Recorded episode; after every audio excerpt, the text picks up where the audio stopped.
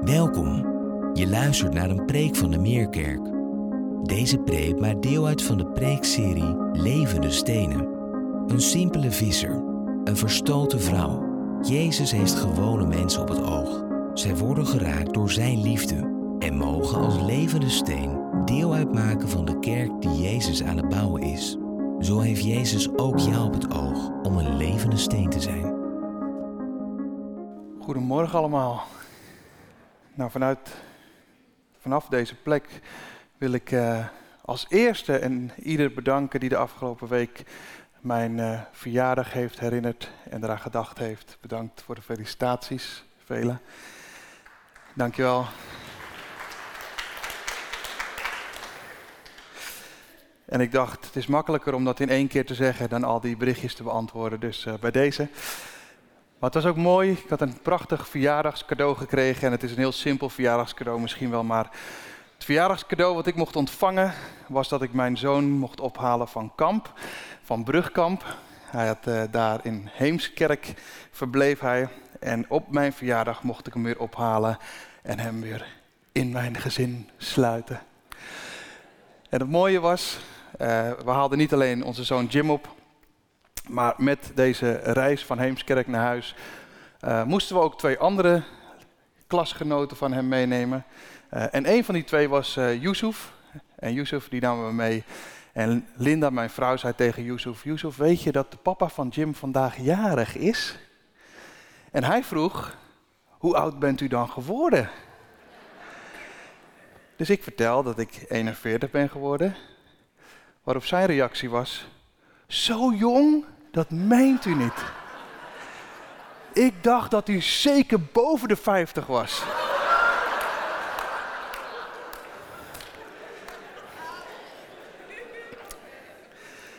Nou, waarom uh, deel ik dit verhaal?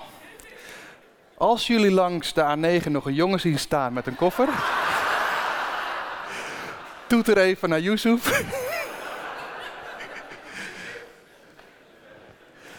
nou, dat was mijn verjaardag. Terug naar vandaag.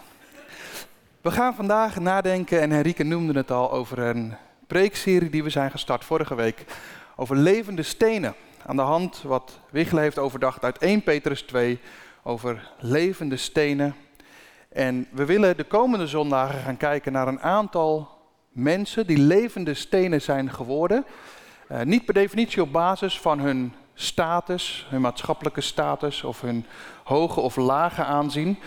Maar ze zijn levende stenen geworden doordat ze een ontmoeting hebben gehad met Jezus. En Jezus heeft van deze dode stenen levende stenen gemaakt. Het is vanuit zijn liefde en genade dat deze mensen levende stenen werden. En de komende zondagen willen we een aantal van hen vanuit de evangelie noemen. Levende stenen door Gods genade. Ze werden levend, imperfect goedgekeurd door Jezus.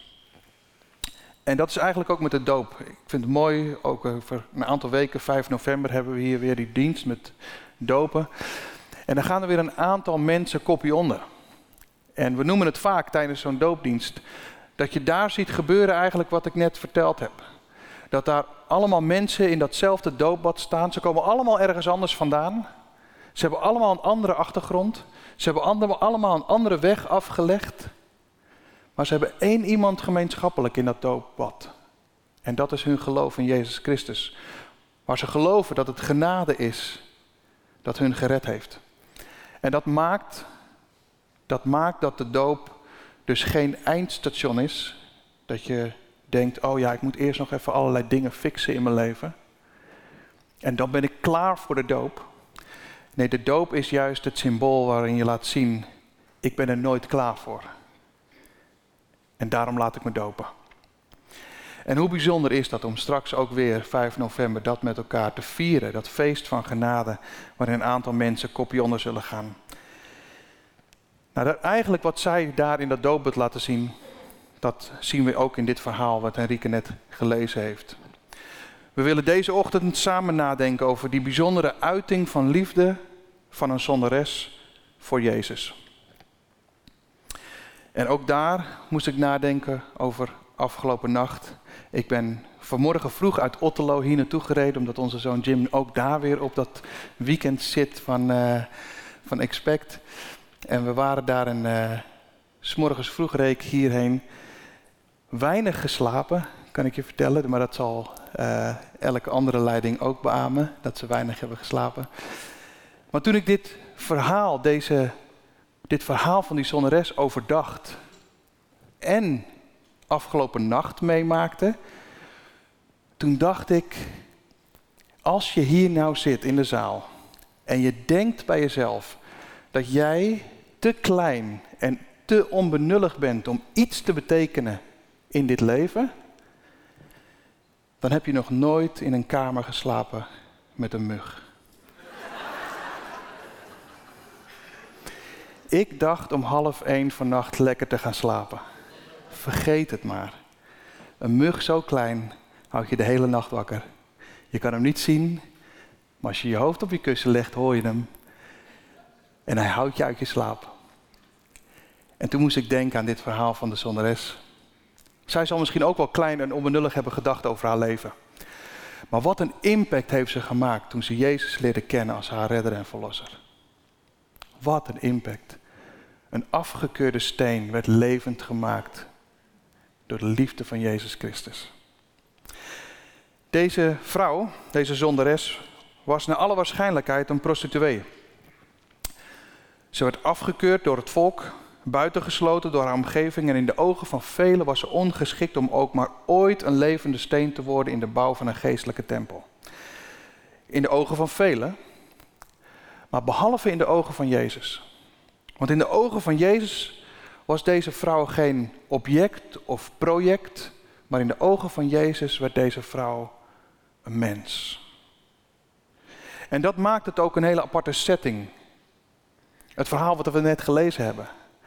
Simon de Fariseer nodigt Jezus uit om bij hem te komen eten. En eigenlijk alles wat hij zou moeten doen als Fariseer die een gast uitnodigt om te eten, dat doet hij niet. En dan heb je daar ineens die zonderes, die ook ineens deel is van die samenkomst daar. Die zonderes die heeft gehoord dat Jezus bij Simon was. En vastberaden gaat ze naar hem toe. Heel bewust met een albasten flesje geurige olie. Wat niet goedkoop was.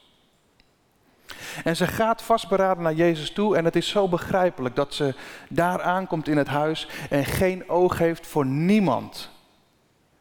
Behalve Jezus. En zij komt daar niet voor de maaltijd. Zij komt daar ook niet om een theologische discussie te voeren, wat in veel gevallen het hoofd heet maakt en het hart koud. Nee, zij komt daar om Jezus te aanbidden voor wie hij is en wat hij heeft gedaan. Het impliceert ook dat zij eerder dan deze ontmoeting hier in dit verhaal al een eerdere ontmoeting heeft gehad met Jezus. En als gevolg daarvan komt zij die Jezus eer bewijzen met alles wat ze daar doet. Ze heeft ervaren dat ondanks haar leefstijl, dat er iemand is die daar dwars doorheen kijkt en het hart van haar ziet. En dat is Jezus. Om die reden komt zij ongevraagd naar deze samenkomst toe om aan de voeten van Jezus te zitten. Om te doen wat Simon had moeten doen, maar naliet om te doen. Huilend, huilend wast ze zijn voeten. Ze kust ze. Ze heeft dure olie gekocht om zijn voeten ook mee te zalven. En het is daar, aan die voeten van Jezus Christus, waar ze ervaart dat dode stenen levend worden. Daar ontdekt ze dat afgekeurde stenen door Jezus gezien, geliefd en door geloof vergeven zijn.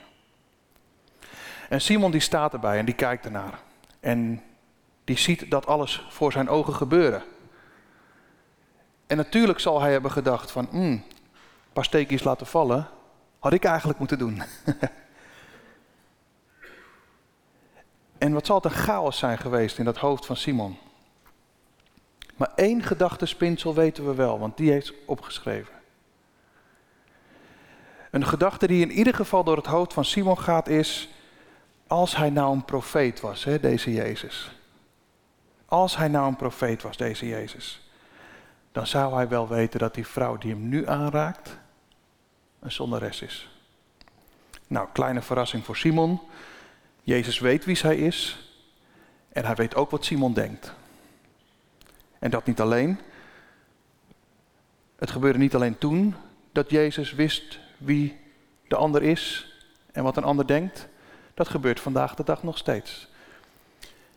En ik wil het maar heel concreet maken met een verhaal wat een aantal maanden geleden ik met Jim meemaakte.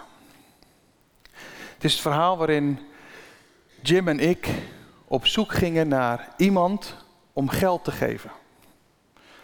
Nou, dat klinkt een beetje vaag, maar dit is een beetje hoe dat gaat bij ons in het gezin. Toen ik in de kerk kwam werken, toen heb ik samen met mijn vrouw besloten dat als ik ooit ergens anders ga preken dan hier en ik krijg een sprekersvergoeding, dan is die altijd voor een ander. We willen nooit in de valkuil trappen dat we gaan preken buiten de deur om een extra iets bij te verdienen. Dus hebben we gezegd, die valkuil gaan we niet intrappen. En dus altijd als we buiten de deur preken, of we, ik, dan. Mijn vrouw denkt, oh, die begint gelijk te zweten. Nee, altijd als ik buiten de deur preek en we krijgen daar een, een sprekersvergoeding voor, dan pinnen we dat geld, we gaan in gebed en we zoeken iemand die het harder nodig heeft dan wij. En zo ook deze keer. En Jim, die betrek ik daarbij, omdat ik Jim ook wil meegeven dat het veel rijker is om te geven dan om te ontvangen. En zo kwam het dat we geld in ons zak hadden en ik zei tegen Jim, Jim, ga jij nou eens nadenken en kijken hier aan wie we dat geld zouden kunnen geven. En hij kwam vrij snel met een persoon, namelijk de straatjournaalverkoper bij ons in het centrum. Hij zegt, die man, die moeten we het geven. Ik zeg, oké, gaan we erheen. Nou, wij erheen, je raadt het al, nergens te vinden. ja, ze hebben ook een dag vrij, denk ik. Ik zeg, nou, weet je wat? Dan gaan we morgen nog een keer kijken. Morgen weer erheen. Nergens te vinden. Misschien was hij op vakantie. Ik zeg, nou weet je wat, als ik nu s'morgens hebben gekeken, hij is er niet. We gaan boodschappen doen, dan gaan we teruglopen en dan kijken of hij er weer is. En is hij er dan nog niet, ja, dan, dan moeten we misschien kijken of er iemand anders. En zo gezegd, zo gedaan, we kwamen terug, hij was er nog niet. We zitten thuis en ik had Jim al een beetje de opdracht gegeven om iemand anders in gedachten te nemen, maar deze persoon liet Jim niet los. En dus zei hij een aantal uren later, papa, zullen we nog één keer kijken of die er is. En wij gingen. En we keken om de hoek. Bam, daar zat hij. En Jim rende naar hem toe. Met zijn geld op het zak, in zijn zak. En hij gaf het geld aan hem. En ik zit dat vanaf een afstandje te bekijken. En hij krijgt een omhelzing van deze man. En ik kom eraan omdat deze man praat Engels, dus dat vond Jim dan weer wat lastig. Die zegt alleen maar yes, yes en no, no. En ik vroeg aan hem van, joh, weet je, wat, uh, wat ga je ermee doen? En toen zei hij, hij zegt, dit is echt een wonder van God. Want mijn dochter, die heeft sinds gisteren geen schoenen meer. Haar schoenen zijn stuk gegaan en ze waren al niet zo best. Maar na gisteren kan ze er gewoon niet meer op lopen. En deze ochtend, zei hij, deze ochtend heb ik gevraagd of Jezus een wonder wil doen. En nu komen jullie hier. En we kunnen schoenen kopen voor mijn dochter. Nou, waarom deel ik dit? We gaan zo snel voorbij aan mensen die wij misschien niet zo snel zouden zien maar waarvan we mogen weten dat Jezus ze wel ziet. Deze zonderes is daar een voorbeeld van. Deze straatjournaalverkoper is daar een voorbeeld van. Hoe mooi is het om oog te hebben en steeds meer te krijgen voor hen die Jezus wel ziet. En dan het wonder te zien. Dat Jezus niet ze alleen maar ziet, maar ook hun gebeden verhoort. En dat je daar een schakeltje in mag zijn. Het is het verhaal van de zonderes. Het is het verhaal van de straatjournaalverkoper. En het is het verhaal van vele van jullie levens. Of je er deel van bent of misschien wel zelf hebt ervaren. Terug naar dit verhaal van de zonderes en de fariseer. Jezus die weet dat Simon deze zonderes al lang veroordeeld heeft. En toch geeft Jezus hem nog één casus om een ander oordeel over te vellen. En hij geeft de gelijkenis van de geldschieter en zijn schuldenaars. De een met een schuld van 50 denari en de ander met een schuld van 500 denari. Wat in onze tijd hier in euro's te vergelijken is met iemand die 5000 euro schuldig is en iemand die 50.000 euro verschuldigd is. En dan vraagt Jezus aan deze Simon, wie zal de meeste liefde tonen? En dan oordeelt hij juist. Degene namelijk van wiens de grootste schuld was, en dat is kwijtgescholden, waarschijnlijk zal die persoon de meeste liefde betonen. En dus in tegenstelling tot zijn eerdere foutieve oordeel en conclusie, oordeelt Simon nu juist. En ik denk dat dat geregeld herkenbaar is ook voor ons. Want wat je hier ziet, is dat ons denken en wat we zeggen soms enorm uit elkaar kan liggen. Wat Simon hier laat zien, dat kan ook zo vaak voor ons gelden. Dat we altijd de correcte antwoorden weten te geven op de vragen die ons gesteld worden. Maar toch dat we in gedachten ver bij de Heer vandaan leven en het hart van het evangelie missen. En daarom is het belangrijk, ook als we dit gedeelte lezen, dat we een spiegel voorhouden, voor onszelf ook. Want ook als christenen gedragen we ons soms zo, als een Simon of een Simone. Waar we snel een oordeel hebben over een ander, nog voordat we überhaupt een woord gewisseld hebben met de persoon in kwestie. Waar we eerst oordelen voordat we vragen stellen. En het kan onze houding worden. Onze houding worden op werk, in ons gezin, in onze wijk en zelfs als we gaan naar de kerk. En dan is het de vraag, komen we naar die plekken als een Simon of als een zonderes? Komen we naar die plekken als een Simon die religieus is en neerkijkt op anderen met een verkeerd beeld van Christus?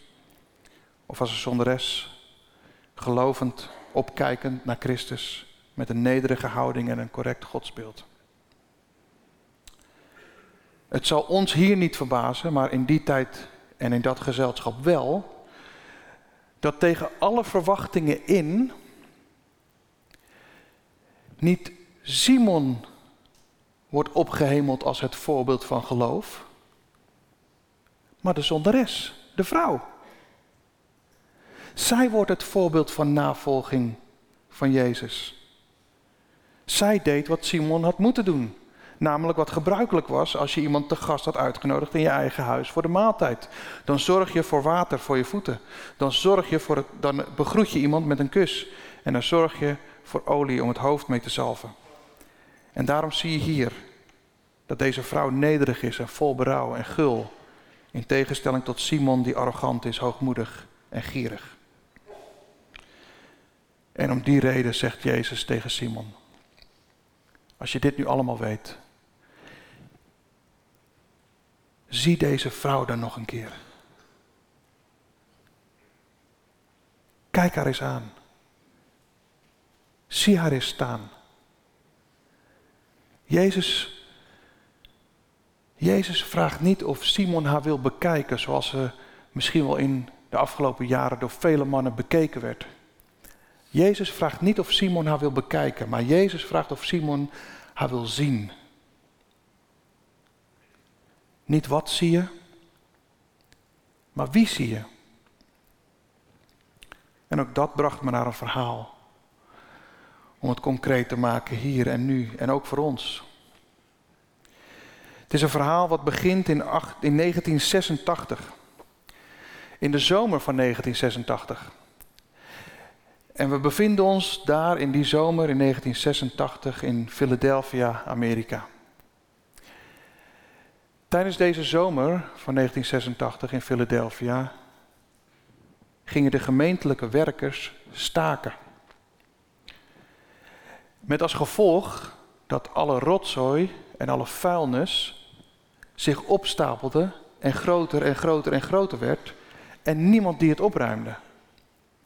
En toen was er iemand met een slim idee. Wat nou, wat nou als we een schip laten aanvaren en daar gooien we gewoon al die rotzooi in. We varen naar een ander land en daar brengen we het weg.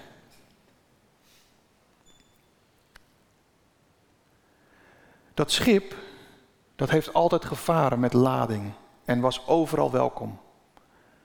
Totdat het de lading kreeg van de rotzooi van Philadelphia. Toen ging het naar allerlei landen en niemand wilde het hebben. Twee jaar lang heeft dit schip, de Pelicano, gedobberd rondgevaren op de oceaan. Twee jaar lang. En niemand wilde het hebben. Dit staat ook symbool voor ons als de zonneres en onszelf. Ook wij kunnen ons leven op een gegeven moment vullen met rotzooi, met vuilnis. En dan kan je overal komen en welkom zijn. Maar als je je leven vult met rotzooi en vuilnis, wil niemand meer je, meer hebben. Maar als je je lading verandert, verander je ook het schip. En dat werkt ook in de positieve zin. Als je je leven vult met Christus, dan ruimt Hij die rotzooi op. En dan verander je je lading van je schip, je leven, waardoor je je leven verandert. En dat is ook wat daar gebeurde met het schip. Verander je lading en je verandert het schip. Verander de inhoud van je leven en je verandert je leven. En dat is het voorbeeld wat de zonderes heeft gegeven. Ze leefde rotzooi uit haar leven, vervangen door Christus zelf. Waar ze nooit welkom was, behalve voor haar diensten, werd ze nu welkom omdat ze Christus kende. Als je de inhoud van je leven verandert zoals de zonderres dat doet, verander je je leven en is het nooit meer hetzelfde. En dan komen we bij het laatste gedeelte van dit verhaal. Als dit allemaal gebeurt, dan zegt Jezus tegen de vrouw: Uw geloof heeft u gered. En dit is belangrijk om in te zien, omdat dit verhaal daar niet alleen mee afsluit, maar het laat iets heel belangrijks zien in dit verhaal. Namelijk dat haar geloof de redding heeft gebracht. Het waren dus niet haar tranen, het was niet haar liefde, het was ook niet de kostbare olie die ze had meegenomen. Dat heeft allemaal niet de redding gebracht. Het was haar geloof. Haar geloof heeft haar gered. En dat is misschien wel in essentie het grootste verschil tussen Simon en de vrouw. Simon is gelovig en de vrouw gelooft. Zij realiseert zich ten diepste dat het enige wat zij ooit zal toevoegen aan het verlossingswerk van Jezus Christus, dat zijn haar eigen zonden. Dat is het enige wat ze toevoegen aan het verlossingswerk van Christus. Dat is ook het enige wat wij ooit zullen toevoegen aan het verlossingswerk van Christus. Dat zijn onze zonden. Maar dat heeft haar gered, haar geloof. En dat is ook het getuigenis van vandaag, van het verhaal van deze zonderes. Het is de liefde van God voor jou. En dat is geen reactie op wat Hij in jou heeft gevonden. Gods liefde voor jou is geen reactie op alles wat jij voor Hem doet. Gods liefde voor jou is geen reactie op alles wat je aan Hem geeft. Gods liefde voor jou heeft namelijk niets te maken met jouw liefde voor Hem. Gods liefde voor jou is niet afhankelijk van jouw goedheid. Hij houdt van jou vanwege Zijn goedheid. Gods liefde draait niet om de onze. Zijn liefde voor jou is niet voorwaardelijk. Het is onvoorwaardelijk. Hij heeft jou lief nog voordat jij hem hebt lief gehad. Dat lezen we in 1 Johannes 4. De welbekende tekst. Wij hebben lief omdat hij ons eerst heeft lief gehad. En dus is de allereerste stap in dit proces van geloof en de les van de zonderes deze. Geloof in Jezus leidt tot vergeving van Jezus, wat resulteert in de liefde voor Jezus. Geloof in Jezus leidt tot vergeving van Jezus, wat resulteert in de liefde voor Jezus. En dat geloof redt. Dat geloof doet je leven in vrede. Dat geloof maakt je een levende steen. Dat is het einde van dit verhaal. En ik weet niet hoe dat met jullie is als je dit verhaal zo leest. Of je me dan misschien geneigd bent om gelijk door te lezen naar Lucas 8. Om te kijken hoe die maaltijd nou eigenlijk verloopt verder. Hè? Ik, ik heb me dat zo proberen in te beelden. hoe zal het zijn geweest? Jezus heeft die laatste woorden gezegd. Uw geloof heeft u gered. Ga in vrede. En ze gaat in vrede. Zij is weg. En dan? Heeft dat de sfeer positief gemaakt of negatief? We weten het niet. We hebben geen idee.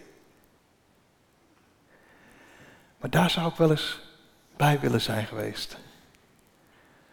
Als je dit nou allemaal meemaakt, het gebeurt gewoon voor je neus. Zie je het? Of wil je het niet zien? Welke van de twee maakt een groot verschil voor je leven? Wat we wel weten, is dat deze vrouw vrij is. Dat ze diepe vrede heeft ontvangen. Dat ze zich geliefd voelt, gekend, vergeven en verzoend. Jezus vergaf haar zonde en gaf haar waardigheid terug. Ik wil vragen of de band alvast op het podium kan komen. Want we willen straks namelijk met elkaar een heel bekend lied zingen. En dat lied dat is verbonden met een verhaal, wat voor velen van jullie bekend is. Het lied is Amazing Grace. Het is een lied wat in vele kerken al vele jaren in vele diensten wordt gezongen. Het lied dat is geschreven door een man genaamd John Newton. En velen van jullie kennen het verhaal van John Newton. Maar toch wil ik het verhaal delen voor degenen die het niet kennen. John Newton was een slavenhandelaar uit de 18e eeuw. Hij groeide op zonder geloof, zonder kerk, zonder Jezus.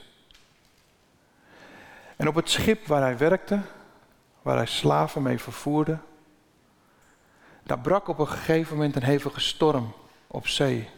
Brak daar los en het schip, dat kwam in gevaar. En dat was de eerste keer dat John Newton de God aanriep van waar hij geen idee had dat hij zou kunnen bestaan. Maar hij riep God aan. Als u daar bent, red me dan. En John Newton wordt gered. En die ervaring heeft hem gebracht naar de Bijbel. En het feit dat hij naar de Bijbel ging, heeft hem gebracht naar Jezus Christus. En dat hij naar Jezus ging, heeft hem ook een levende steen gemaakt.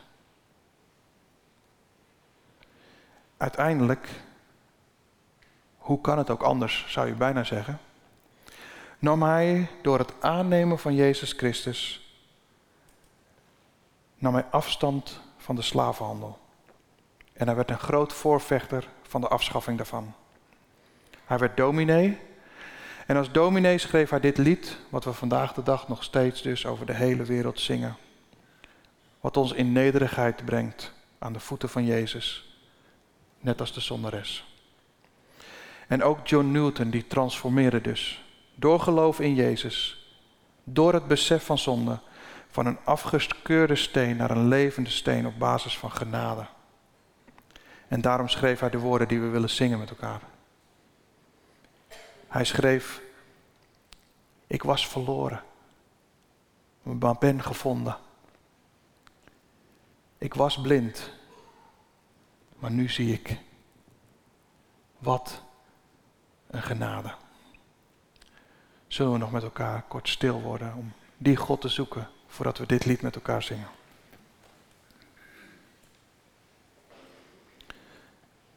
O Heer, we willen net als de zondares aan uw voeten zitten. Omdat dat de plek is waar we elke keer weer opnieuw, zoals uw woord dat zegt, barmhartigheid en genade zullen vinden. Elke dag opnieuw vinden we barmhartigheid en genade. Wat een liefde. Heren, als we dan dit verhaal horen van deze zonderes. Heer, dan is het inderdaad wel het besef van falen. Wat ons doet vertrouwen op uw genade. En dan geldt dat ook voor ons. Waar we ook vandaan komen, hoe we hier ook zitten, hoe we hier ook naartoe gekomen zijn. U houdt van ons. En als we door dat geloof, als we door dat geloof in u vergeving ontvangen, dan kunnen we niet anders dan heel veel liefde betonen. Spreek zo tot ons, ook straks als we dit liedje met elkaar zingen. Amazing Grace, wat een overweldigende genade. Dat u gegeven heeft wat wij niet konden ontvangen. Maar u gaf het om niet omdat u van ons hield. En zo bid ik dat het voor een ieder van ons mag gelden. Heer, spreek tot ons in het lied. En dat de woorden van dit lied misschien wel voor het eerst of opnieuw diepe impact mogen maken op ons eigen leven. Geprezen zij uw naam, Jezus. Halleluja. Amen.